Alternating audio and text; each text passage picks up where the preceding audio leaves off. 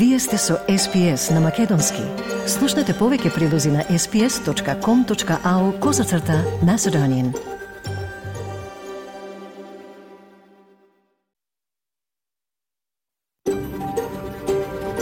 SBS, a world of difference. You're with SBS Macedonian on mobile, online, and on radio. Вие сте со SPS на Македонски, на мобилен, преку интернет и на радио.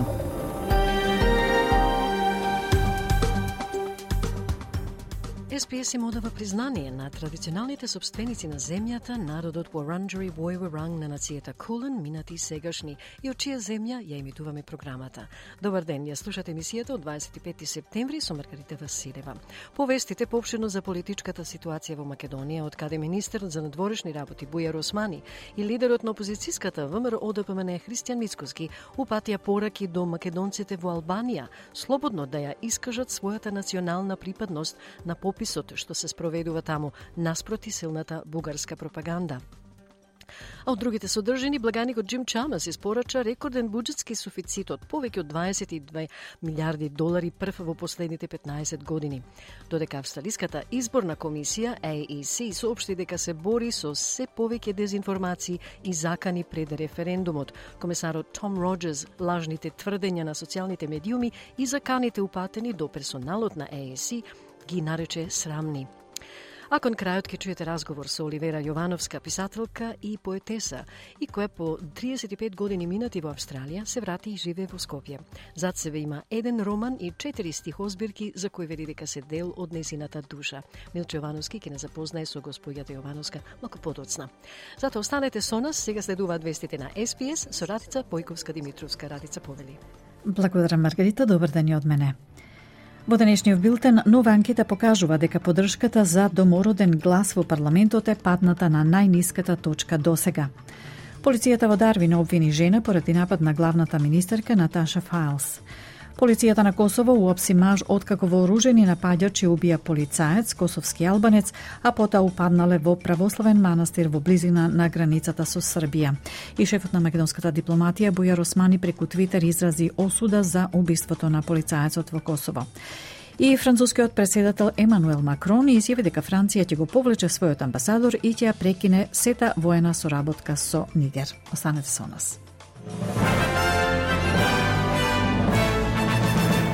Новата анкета во вестникот Australian покажува дека поддршката за воспоставување домороден глас во парламентот паднала на најниската точка до сега. Анкетата на интернет на 1239 гласачи во периодот од 18 до 22 септември покажа дека само 36% биле со намера да гласаат за на 14 октомври. Анкетата сугерира дека кај жените и помладите гласачи имало промена со тенденција кон гласот не. Пратеникот од Либералната партија Ден Тиен изјави за Sky News дека Антони Албанезе треба да размисли за откажување на референдумот во неговата сегашна форма.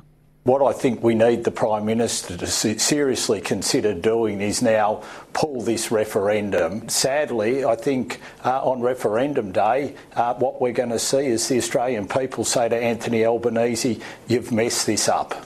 Мара Ивот вели дека ова би значило да се изгуби важна шанса да се слушне гласот на луѓето од првите нации и да се направат позитивни промени. having this voice established is to listen to Indigenous people about what will work on the ground and get better results. So if we were to pull it or to say no, it's just closing the door on the opportunity for change. Uh, I have no faith that the coalition um, actually support coming back to the drawing board. Тоа доаѓа кога денеска 25 септември ширум Австралија започнува далечинското гласање за домороден глас во парламентот, овозможувајќи да се дадат првите гласови на референдумот. И напомена дека се офатни информации за референдумот можете да најдете на порталот на SBS Voice Referendum на sbs.com.au косацртичка Voice Referendum. Полицијата во Дарвин обвини жена за тежок напад поради нападот врз главната министерка Наташа Файлс, на која и залепила палачинка прекриена со крем во лицето. Полицијата ќе тврди дека 56 годишната ја нападнала главната министерка на пазарот Найтклиф во неделата наутро. Таа ќе се соочи со суд на 10 октомври. Сојузниот министар за управување со вонредни состојби Мари Вот преформираше работна група за примена на нов јавен безбедносен широко поесен мобилен систем за подршка на припадниците на спасувачките екипи за време на катастрофи и вонредни ситуации. Господин Ват ја објави работната група за време на неговото воведно обраќање денеска во Камбера на првиот ден од националниот самит за подготвеност за шумски пожари. Дводневниот самит ќе ги собере австралиските политичари заедно со околу 250 специјалисти за управување со кризи, одговор и закрепнување. Господин Ват вели дека самитот доаѓа во критично време кога климатското невреме Ел Ниньо со себе носи зголемен ризик од опасни шумски пожари, екстремни топлотни бранови и дури други тешки временски непогоди. Тој вели дека нова работна група ќе имплементира јавен безбедносен мобилен широкопоесен систем за да обезбеди подобри комуникациски способности за припадниците на спасувачките екипи кои реагираат први на местото на настанот. In short, this long promised but never realised project is about providing better communication systems for our first responders to protect them and our communities. It will provide fast and secure voice video and data communications specifically for our emergency services so they can communicate with each other across jurisdictions and during the most challenging conditions. Така наречен национален пасош за вештини се очекува да биде клучен елемент на документот за вработување, што денеска ќе го објави благаникот Джим Чалмерс. Системот е наменет да им помогне на работниците да го рекламираат својот целосен обсег на квалификации, микро, микроакредитиви, предходно учење, искуство на работното место и општи способности. Господин Чалмерс изјави за Канал 9 дека пасошот за вештени ќе го направи процесот на вработување и за вработените и за работодавачите поедноставен и порационализиран. This is all about making it easier for workers to progress and maintain their skills and make it easier for employers to find workers with the qualifications that they need to succeed. And this is the culmination really of a heap of consultation and collaboration with workers and their unions, with business and their peak organisations uh, to see how we can get a national skills passport uh, which makes it easier for people to have the right skills in the right places at the right time. Ново истражување открива дека стресот влијае врз пиењето и благосостојбата на учениците од 12 година за време на завршните испити што започнуваат ширум Австралија. Онлайн службата за ментално здравје за млади австралици Reach Out анкетираше 1000 студенти на возраст меѓу 16 и 25 години и откри дека половина од нив имаат проблеми со спиењето како директен резултат од стресот за учење. Утврдено е дека учениците од 12 година биле значително погодени и покрај тоа што им треба исто време трајање на спиење како и другите средношколци. Доктор Крис Сетон, педијатар и експерт за адолесцентен сон, вели дека училиштата се уште не го достигнале она што е познато во врска со потребите за спиење на постарите тинејџери. Наставниците вели тој очекуваат учениците од 12 година да работат повеќе, да учат повеќе и да остануваат будни подоцна, што е проблем бидејќи немаат можност за потребните 9 часа сон. One of the big problems in adolescence is that from year 7 to year 12, so through high school, their sleep need does not drop. And that doesn't fit with societal norms. So t- school teachers will expect year 12 kids to do more work, do more study, stay up later. And this is part of the problem in upper high school and the reason that kids in upper high school get sleep deprived. They don't get the opportunity to get their nine hours. Полицијата на Косово уапси маж откако вооружени напаѓачи убија полицаец, косовски албанец, а потоа упаднале во православен манастир во близина на границата со Србија. Конфлик, конфликтот започна кога еден полицаец загина откако беше застрелан за време на заседа кај селото Бањска во близина на српската граница. 30 тешко вооружени мажи потоа упаднале во манастирот, најмалку три, три лица беа убиени во повеќе часовната престрелка меѓу вооружените напаѓачи и полицијата. Србите во Северно Косово подолго време бараат да се спроведе договорот од 2013 година со посредство на Европската Унија за создавање асоциација на автономни општини во нивната област, нешто на што Приштина гледа како на поделба на земјата по етнички линии. Шефот на македонската дипломатија Бујар Османи преку Твитер изрази осуда за убиството на полицајецот во Косово. Во објавата напиша дека изразува целосна подршка сторителите да бидат изведени пред лицето на правдата. Насилството нема да ја подкопа стабилноста на Косово, безбедноста на граѓаните на прво место напиша Османи на Твитер. Во меѓувреме Османи ги повика македонците во Албанија слободно да се изјаснат на актуелниот тамошен попис. Тој им упати видео со порака слободно да ја изразат својата етничка припадност по цела недела интензивни притисоци од страна на бугарските емисари, дури и од страна на бугарската амбасада во Албанија. Реакцијата на Османи следува откако македонските здруженија во Албанија јавно побараа помош од својата матична земја, Македонија, по заканите на бугарската на бугарска фондација дека ќе ги објави сите што имаат земено бугарски пасош. Тие обвинуваат дека представници на бугарската амбасада во Албанија секојдневно се меѓу македонското население и нудат документи, лекови за да прифатат асимилација. Пописот што почна на 18 септември ќе се спроведува во следните 6 недели. Македонија досега нема реагирано со официјална нота до Софија. Францускиот председател Емануел Макрон изјави дека Франција ќе го повлече својот амбасадор и ќе ја прекине сета воена соработка со Нигер по воениот удар што се случи таму во јули. Франција ќе ги повлече своите 1500 француски војници кои моментално се стационирани во Нигер надвор од земјата до крајот на годинава. Тоа доаѓа од како воената хунта ја презеде власта во Нигер на 26 јули, соборувајќи го председателот Мохамед Базум. Макрон вели дека де факто властите не ја делат посветеноста на Франција за борба против тероризмот и дека повлекувањето на војниците ќе започне во наредните месеци. France has decided to bring back its ambassador, and so, in the coming hours, our ambassador with several diplomats will return to France, and we are ending our military cooperation with the de facto authorities of Niger because they no longer want to fight against terrorism.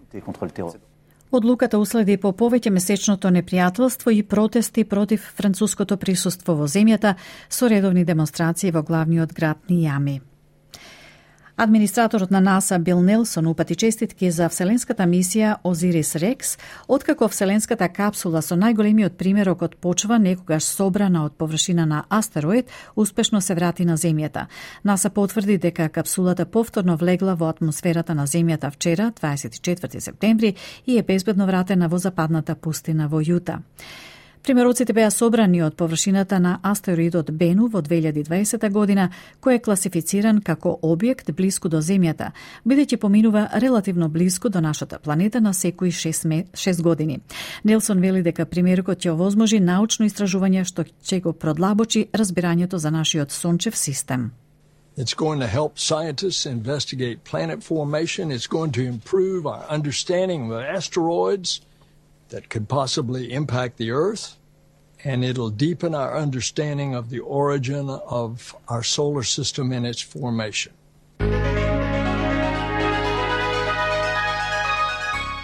Од најновата курсна листа, денеска еден австралиски долар се менува за 0,6 евра, 0,64 американски долари и 36,98 македонски денари, додека еден американски долар се менува за 57,36 македонски денари, а 1 евро за 61,05 македонски денари.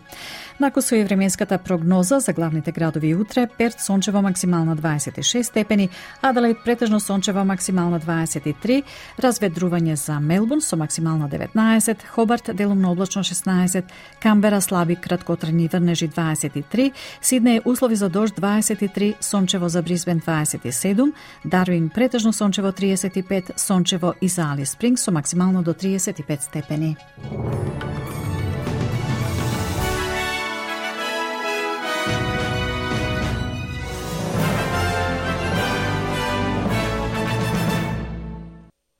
Благодарам, Радица. Денешниот билтен вести на СПС со Радица Бојковска-Димитровска ќе биде достапен на нашите веб и фейсбук страници подоцна во денот заедно со комплетната програма. Со вас е Маргарита Василева, а вие сте со СПС Одио на Македонски. Останете со нас за да ги слушнете најновите актуелности од Македонија, Австралија и разговорот со писателката и поетеса Оливера Јовановска. Та беше жител на Сиднеј за последните 35 години, а сега стана стален жител на град Скопје. СПС го ажурира својот распоред на радио. Од 5 октомври ви носиме 6 програми неделно. Слушајте не во живо од понеделник до петок со реприза во сабота во 12 часот на SPS 1. За да дознаете повеќе посетете не на sps.com.au/audio. Следува извештајот од Македонија во кој ќе чуете за министрите Османи и Петровска, кои го осудија убиството на полицаецот во Косово. Османи и Мицкоски упатија пораки до македонците во Албанија, слободно да ја искажат својата национална припадност на пописот што се спроведува таму, наспроти силната бугарска пропаганда. И манастирот Свето Преображение во Крушево, или попознат како манастирот што го градеше Тоше Проески, вчера беше осветен. На овие теми подетално од Бране Стефановски.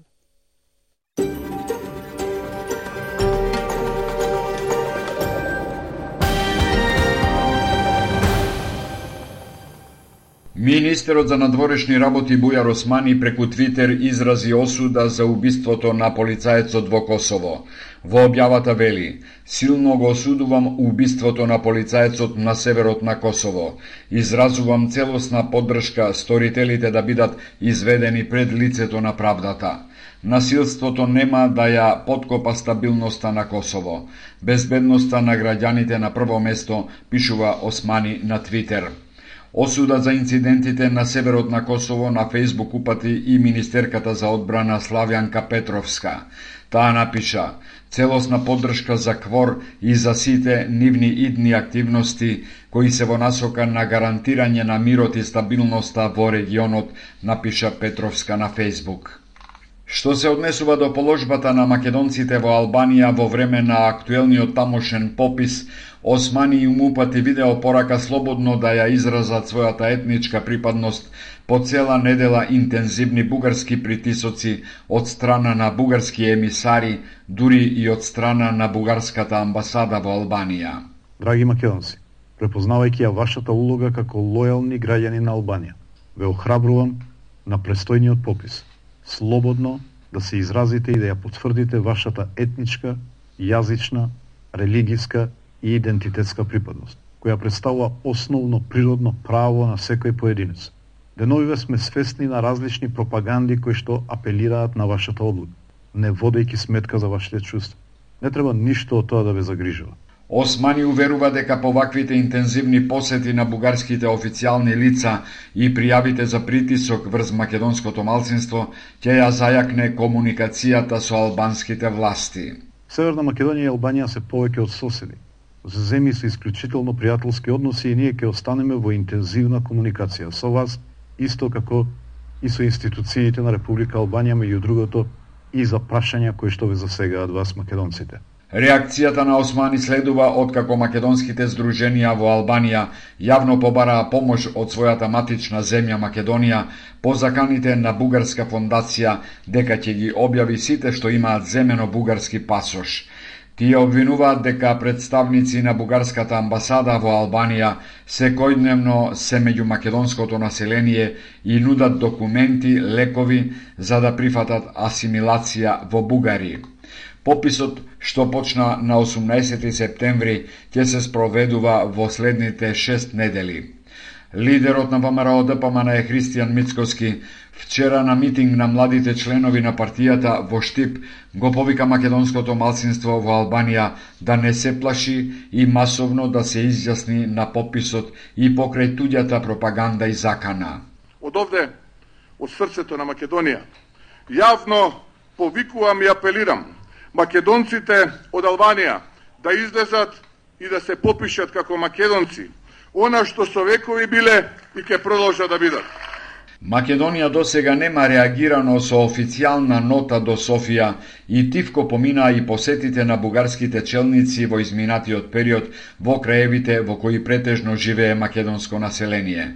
Македонските здруженија неколку пати преку медиумите алармираа на притисоци од бугарската страна пред пописот.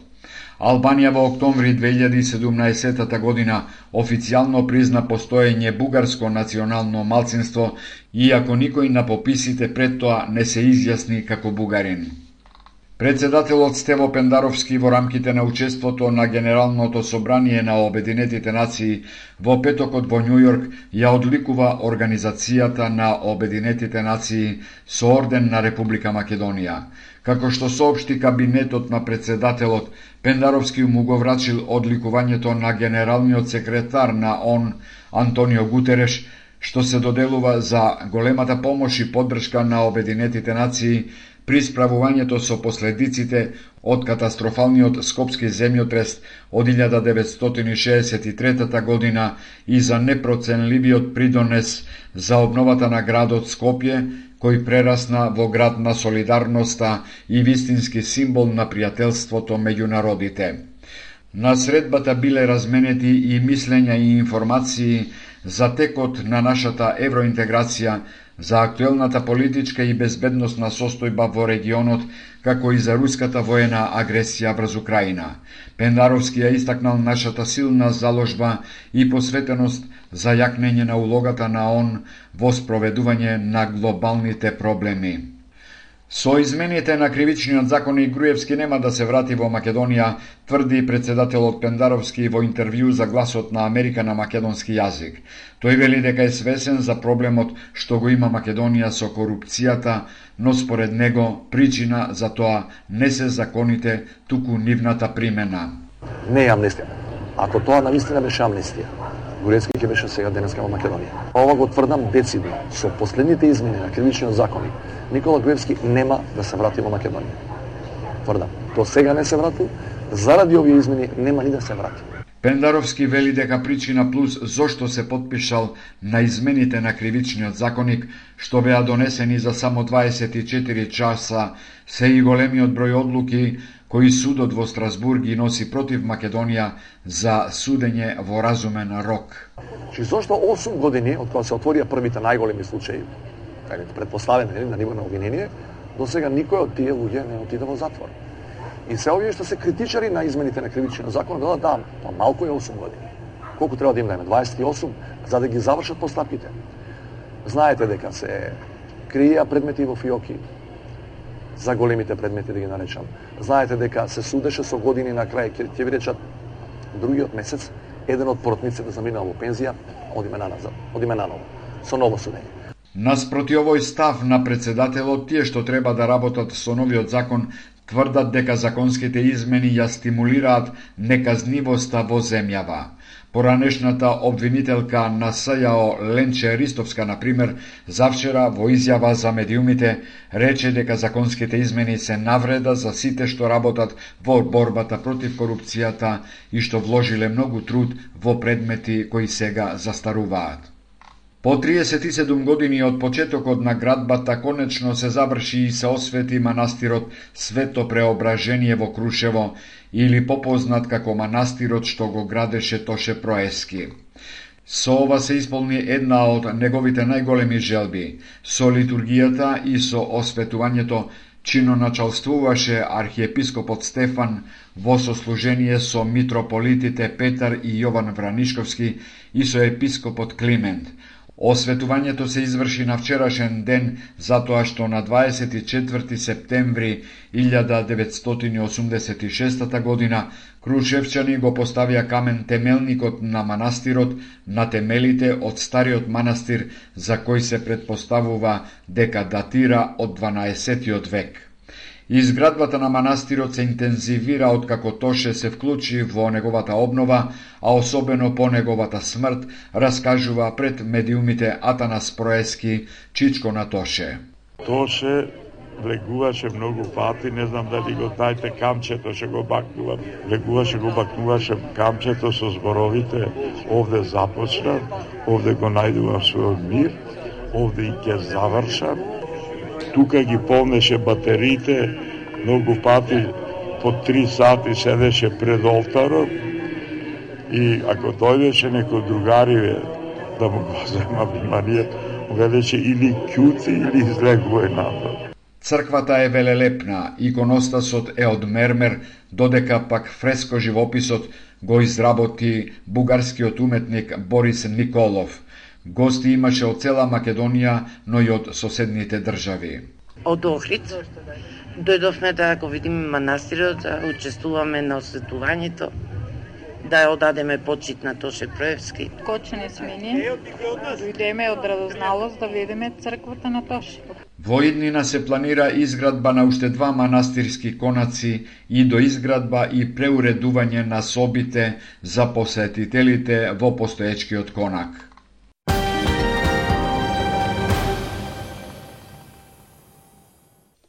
Бране Стефановски со денешниот извештај од Македонија. И доколку сакате да слушате прилози, посетете ја нашата Facebook страница SPS Macedonian или нашата веб страница sps.com.au косацрта Macedonian. Таму ќе најдете интервјуа и видеоклипови на разни теми, а по неколку информативни пораки од SPS ќе преминеме и на локални теми. Подоцна ќе чуеме повеќе за писателката и поетеса Оливера Јовановска, која на пишувањето сериозно му се посветува од 2020 година.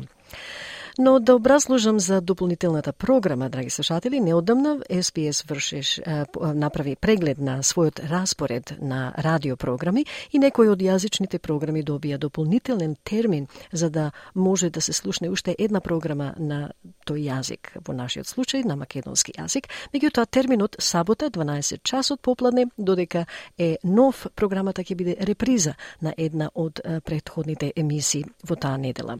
Дополнителната програма Програма ќе започне од 5 октомври. Што се пак е добро. Да, да, да, да дознаете нешто повеќе околу ова, обратете се на нашата веб страница sbs.com.au audio. Слушате прилог со Маргарита Василева на SBS Audio на Македонски. Благаникот Джим Чалмерс испорача рекорден буџетски суфицит од повеќе од 22 милиарди долари прв во последните 15 години. Конечната бројка беше ревидирана од мајскиот буџет благодарение на порастот на даночните приходи и повисоките цени на суровините. Повеќе од прилогот на Пабло Веналес и Рут Макхью Дилан за SBS News. Буџетскиот суфицит беше предвиден уште во мај и сега австралиците ја знаат конечната бројка. Благаникот Джим Чамес откри основно готовинско салдо од 22,1 милиарди долари, што е речиси 1% од австралискиот GDP или бруто домашен производ. Владата сака да го постави резултатот како пример за незините економски акредитиви, дека вишокот е последица на ограничувањето на трошоците, банкарските нагорни ревизии на приходите, а исто така и наоѓањето значителни заштеди во буџетот. Чамас вели ова не е прв пат владата да добие е значително подобрување во приходите, но она што е различно овој пат, вели тој, е што владата одлучи да не ги потроши парите, туку да ги стави во банка, спротивно на некои од одлуките на предходната влада, додава тој. Uh, now this surplus is a consequence of spending restraint, uh, banking upward revisions in revenue and also finding substantial savings in the budget. Now, this is not the first time that a government has received a substantial improvement in revenue. But what is different this time is instead of spending most of that, which our predecessors did, uh, we have banked almost all of it, and that has made the difference. Резултатот е пресврт од прогнозата за дефицит од речиси 80 милиарди долари пред последните избори. Но економистот Крис Ричардсон вели дека лабористите може би се помалку одговорни за неочекуваните пари отколку што би сакале да мислат дека се.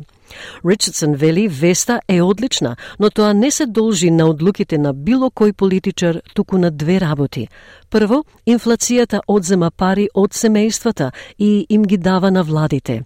Второ, светот ни плаќа куп пари за работи што ги продаваме, како железна руда, вели Ричардсон. It's great news, but it's not due to the decision of any politician, basically. Two things. Uh, inflation takes money from families, gives it to governments. That's happening.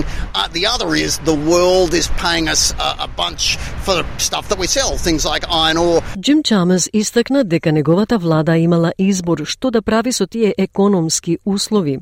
Тој вели ова е доказ за одговорно економско управување на лабористичката партија, кое го става буџетот во многу подобра состојба, во време кога владата издвојува милиарди долари за поддршка во олеснувањето на трошоците за живот. Господинот Чамес потенцира дека ова е најголемиот пресврт во буџетот во историјата. Uh, this is evidence uh, of our uh, responsible economic management, which is getting the budget in much better nick at the same time as we roll out billions of dollars in cost of living relief. This is the biggest turnaround in the budget in history. Uh, and it shows uh, that we don't have to choose between getting the budget in better nick at the same time as we help people who are doing it tough. Економистот Крис Ричардсон вели дека реалноста е посложена, бидејќи дел од притисокот на трошоците за живот и тоа што семејствата всушност плаќаат многу повеќе данок сега, отколку што плаќаа порано, не само во каматни стапки. Што значи дека она што е добра вест за владата е делумно лоша вест за семејствата. Part of cost of living pressures is that families are actually paying a lot more in tax uh, than they were, not just in interest rates. Uh, and, and so what's good news for government is in part what is bad news for families. Сепак, економистите веруваат дека постои разумна шанса оваа добра вест да продолжи. Джим Чамас сепак ја минимизира можноста за втор вишок. Now, one of the reasons why you won't see us flogging back in black mugs or doing all the sorts of self congratulation you saw from our predecessors is because we understand a couple of important things. Uh, the surplus isn't an end in itself, it's a foundation. Uh, and also, the pressures on the budget into the future are intensifying rather than easing, and so we know we've got more work to do. Заменик лидерот на опозицијата Сюзен Ли исто така ја избегна можноста за втор вишок, избирајќи да ги остави тие предвидувања на благаникот. Ли вели таа би сакала благаникот да се врати на својата секојдневна работа и да се запознае со начинот на кој бизнисите се справуваат со тешките времиња. I'll leave those predictions to the Treasurer. I'd like him to get back to his day job. I'd like him to engage with Australians and get his head around the way businesses are doing it so incredibly tough and stop pretending that it's good times when really it's pretty tough times. Иако засега е добра вест, се предвидуваат дефицити на долг рок.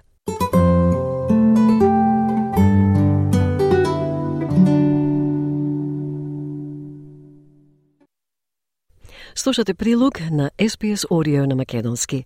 Со вас е Маргарита Василева. Австралиската изборна комисија, Australian Electoral Commission, AEC, соопшти дека се бори со се повеќе дезинформации и закани пред референдумот домородниот глас до парламентот, кој ќе се одржи на 14 октомври.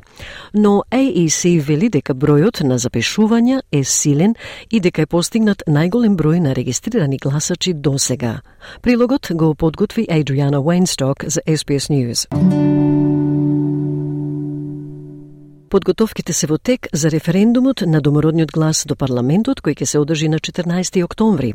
Од оваа недела авиони, чамци и возила ќе се упатат кон најодалечените делови на земјата за да овозможат да се направат првите гласања. Над 60 екипи ќе бидат на терен, покривајќи 750 оддалечени локации за гласање пред денот на референдумот. За гласачите во странство, 160.000 гласачки ливчиња се испратени до над 100 мисии ширум светот. Се на се, повеќе од 17 милиони луѓе сега се на избирачкиот список дома и во странство за референдумот. Меѓу нив е и Оливија Клил, 22 годишна студентка на Универзитетот во Сиднеј, која вели дека тоа е шанса да се промени нешто трајно и да се внесе во уставот. It's a chance to change something permanently uh, and to enshrine it in the Constitution. Uh, political leaders and political parties, they come and go at every federal election, whereas referendums, they don't come around that often. In fact, we haven't had a referendum in this country in, in um, since 1999. Бројот на младите гласачи како Оливија расте, при што стапката на регистрација на оние на возраст меѓу 18 и 24 години е нешто повеќе од 90 од 100. Регистрацијата за гласање на првите нации исто така достигна највисоко ниво на сите времиња од 94,1 од 100. Студентката од Wiradjuri, Хариет Томсон, вели дека референдумот генерира значителна дебата и е едно од најважните моменти за кое некогаш ке гласа. Таа вели дека имаше многу повеќе диалог околу тоа, многу информации и многу дезинформации. Томсон вели дека овој пат луѓето се обидуваат да се убедат меѓусебно многу повеќе од колку на предходните избори. One of the most important um, time, or the most important thing that I'll ever vote on, I think. Um, and I think that there's been quite a lot more dialogue around it and uh, a lot of both information and misinformation. So I think it's also been a time where people are trying to convince each other a lot more than a usual election. There's a lot more dialogue, people trying to um, persuade and um, yeah, share different sides of stories and which I think is great. Додека нивоата на учество соборуваат рекорди, со приближувањето на референдумот останува загриженоста околу дезинформациите. Австралиската изборна комисија вели дека се соочува со тешка битка да ги натера компаниите за социјални медиуми да го одстранат зголемениот број лажни тврдења. Комесарот Том Роджерс вели дека упатиле 54 содржини до организациите на социјалните медиуми. Седум поврзани со дополнителни избори, а останатите 47 поврзани со референдумот или општи закани за персоналот на Австралиската изборна комисија. По 16 беа постапувани од организациите на социјалните медиуми, една е во тек, а по останатите не се постапуваше, изјави Роджерс. We've referred uh, 54 pieces of content to social, social media organisations more broadly um, seven related to by elections, and the remaining 47 are related to the referendum or general threats about AEC staff. Uh, 16 have been acted on by social media organisations. Um, one is pending and the remainder were not acted upon. Експертот за социјални медиуми и заедница Лили Вон Грацавај вели дека слободата на платформите за социјални медиуми е една од нејзините стапици и место каде дезинформациите може навистина брзо да се шират. Вон Грацавај смета дека на места како TikTok можете да објавите што било, а потоа алгоритмот ја поттикнува информацијата. Исто така, играта со стравувањата кај австралиците само создава хаос, вели експертот Лили Вон Грацавај. I think it is a place where misinformation can spread really quickly. I think in places like TikTok, you can post anything and the algorithm just pushes it up. I think it also plays on the fears of Aussies and it's just creating chaos. Австралиската изборна комисија е исто така загрижена поради наглото зголемување на заканите и злоупотребата како што се приближува гласањето. Том Роджерс вели дека има скок во бројот на закани, особено кон персоналот на AEC, што тој го опишува како срамно. We've seen higher levels of um, I would use the term vitriol online than we've ever seen uh, for any electoral event. Now, just before we go too far with that, this is the first social media referendum in Australia's history. And so there are things that we're seeing in social media more broadly that are then washing into this event. We've certainly seen more threats against AEC staff uh, than we've seen previously, which I think, um, you know, frankly, is a disgrace. Од Австралиската изборна комисија велат дека е прерано да се каже дали резултатот ќе биде познат ноќта на референдумот. Том Роджерс вели дека тоа зависи од обемот на поштенски гласови и блискоста на гласањето на 14 октомври. Од Адриана Уейнстокс, SBS News.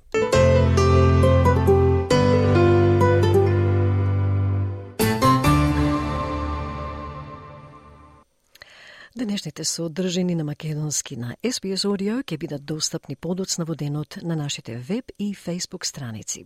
За прашања или коментари во врска со програмата, оставете порака на нашата Facebook страница SBS Macedonian. Повелете исто така и оставете ваш коментар за референдумот домороден глас во парламентот, дали сте запознаени со прашањето и како ќе гласате на 14 октомври. За крај ни останува разговорот со Оливера Јовановска. Но да подсетам уште еднаш дека од 5 октомври ви носиме 6 програми неделно, драги слушатели. Слушајте не во живо од понеделник до петок со реприза во сабота во 12 часот на каналот SPS 1. За да дознаете повеќе, посетете не на sps.com.au/audio. Слушате програма на македонски јазик на SPS Audio, а со вас е Маргарита Василева.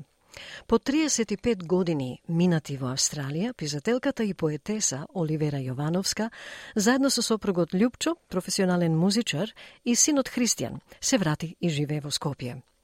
Зад себе има еден роман и четири стихозбирки за кои таа вели дека се дел од незината душа. Напишувањето сериозно му се посветува од 2020 година, а делата и инспирациите сигурно тлееле во неа одамна. Судбината на Оливера веројатно е слична на уште многу други наши слушатели. На свој 15 години заминува сама во Австралија, работи Рано станува сопруга и мајка на три сина, студира, дипломира, гради кариера, во еден момент е собственичка на три ресторани од брендот за брза храна Subway со дури 1200 вработени. Таа ја пронаоѓа среќата во вториот брак и повторно станува мајка. Но нашиот соработник Милчо Јовановски со Оливера разговараше на книжевни теми и предизвикот да му се врати на пишувањето и незиното успешно инфилтрирање на македонската писателска сцена. СПС на Македонски. Споделете ги нашите прилози на Facebook –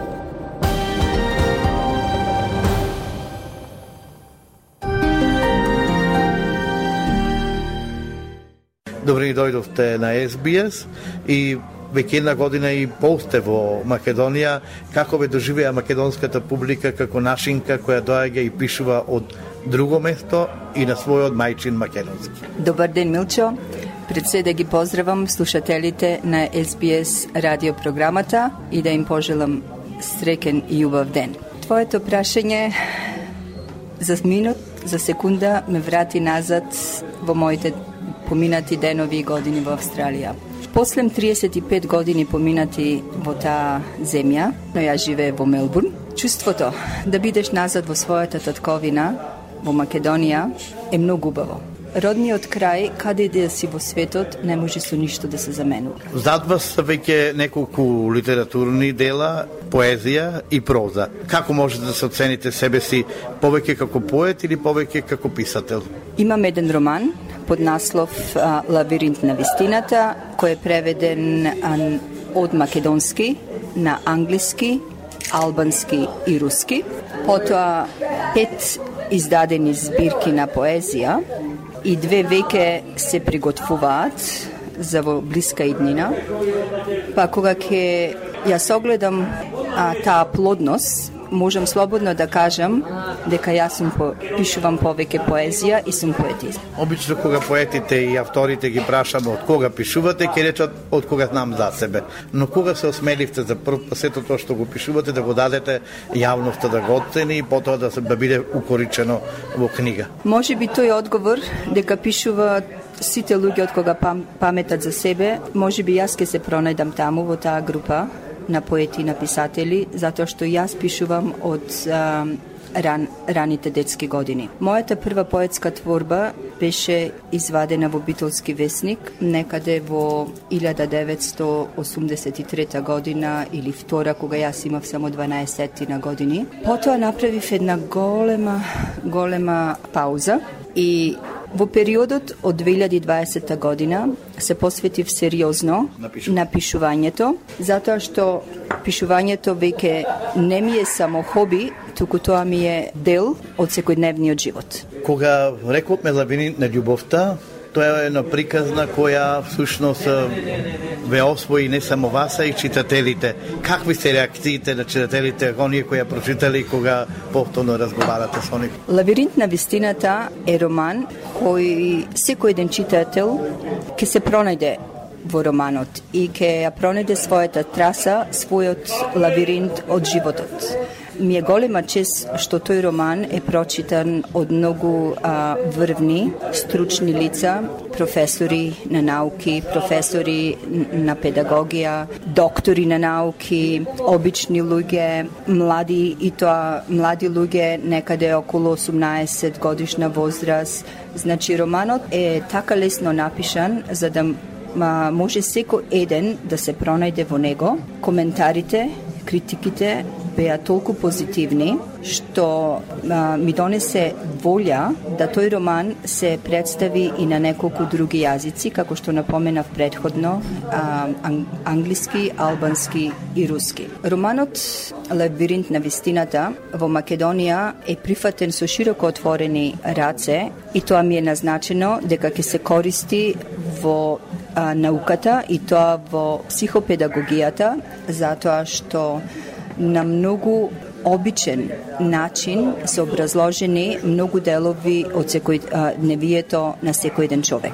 Вие сте година и пол веќе тука во Македонија и дека се инфилтриравте во ова книжевно македонско општество, би рекол, во сите тие збиднувања. Беше ли тешко да се влезе во тој круг на писатели, автори, за вас како условно речено дојденец или повратник? Да, беше тешко и се уште е тешко, затоа што луѓето тука си се познаваат со години, се дружат на поетски читања, некои би, а, се знаат уште од школските клупи, но за мене тоа беше тешко да се да се вклопам. Луѓето со кои се среќавав го препознаваја мојот квалитет врз читајки на поезијата и прозата што ја што ја напишав. Така полесно ме прифаќаа и тоа многу сум благодарна.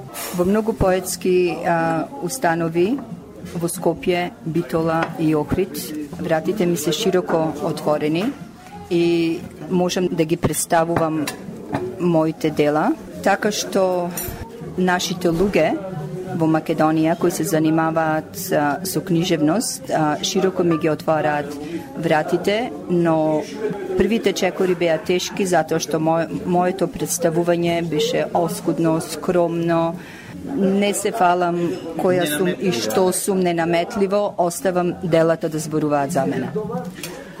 Но мораме да признаеме дека на неколку наврати вашите вашата поезија всушност беше и наградувана.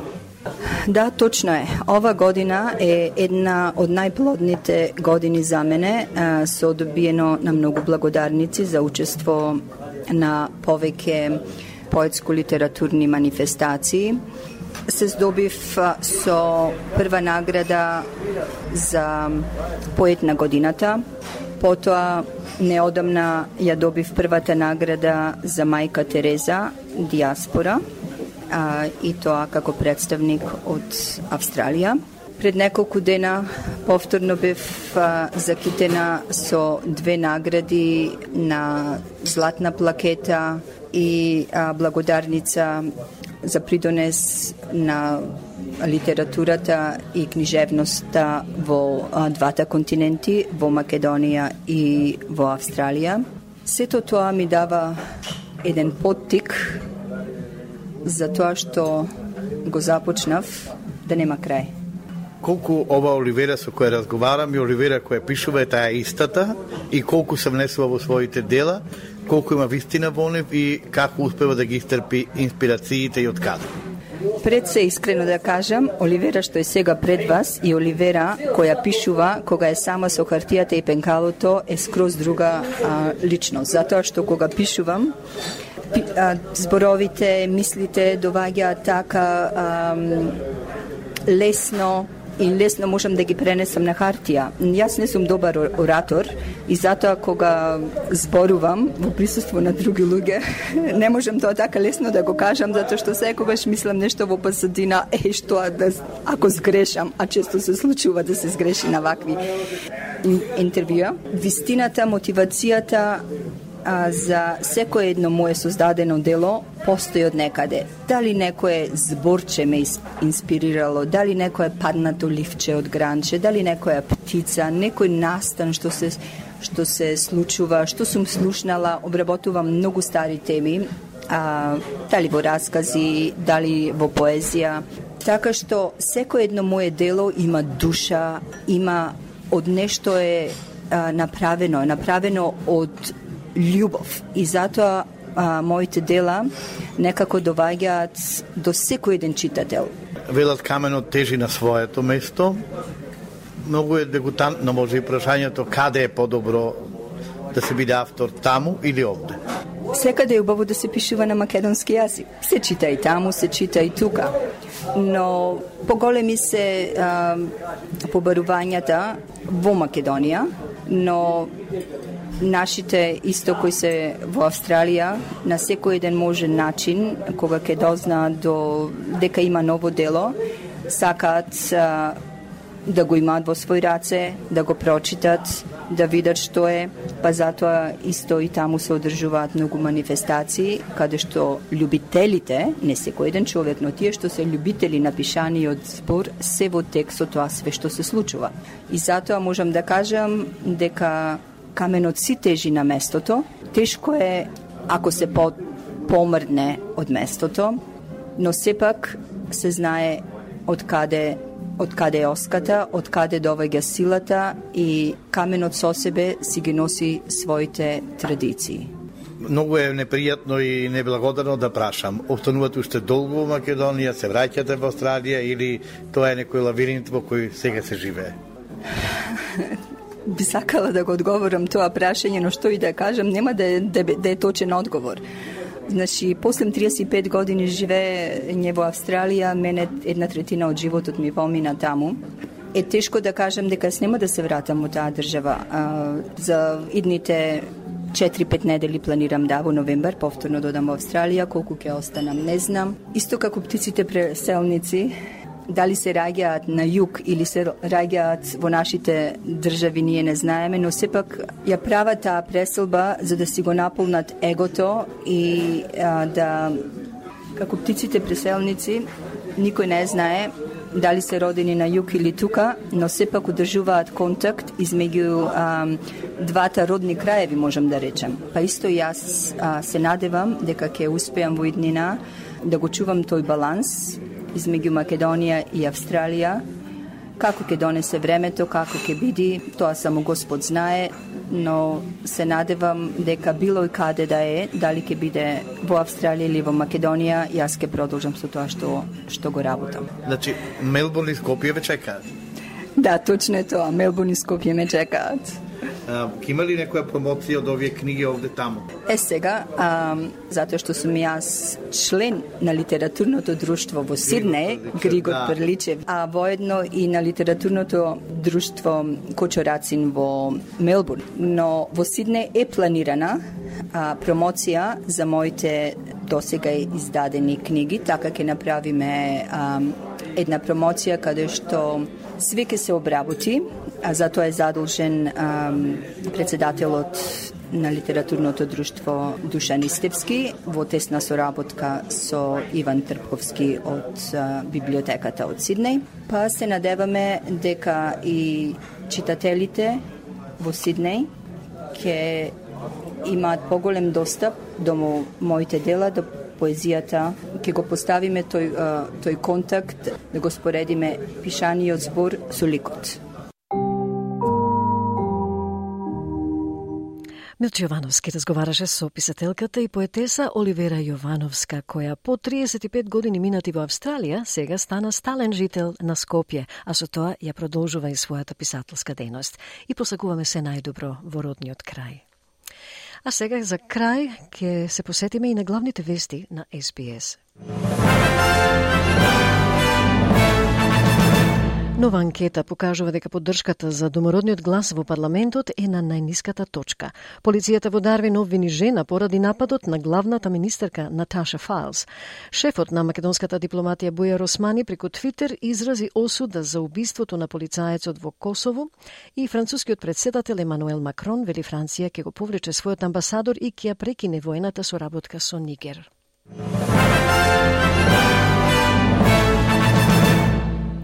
И со тоа ја завршуваме денешната програма, драги слушатели. Се обидовме да ве ставиме во текст со некои од најновите случувања во Австралија, Македонија и светот.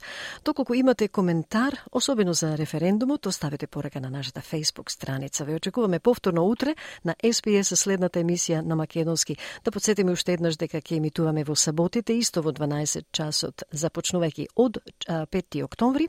Програмата ќе биде реприза на едно од предходните програми истата недела. Тоа е исходот од од неодамнешната ревизија што беше направена на сите програми на SPS Audio за тоа како подобро да се одговори на потребите на нашите слушатели. А во меѓувреме за избор прилози и разговори посетете не на интернет sps.com.au косацрта Macedonian и на Facebook SPS Macedonian. Од Маргарита Василева пријатно попладне и до слушање до утре. Стиснете, ми се допаѓа, споделете, коментирајте. Следете ја SPS на Македонски на Facebook.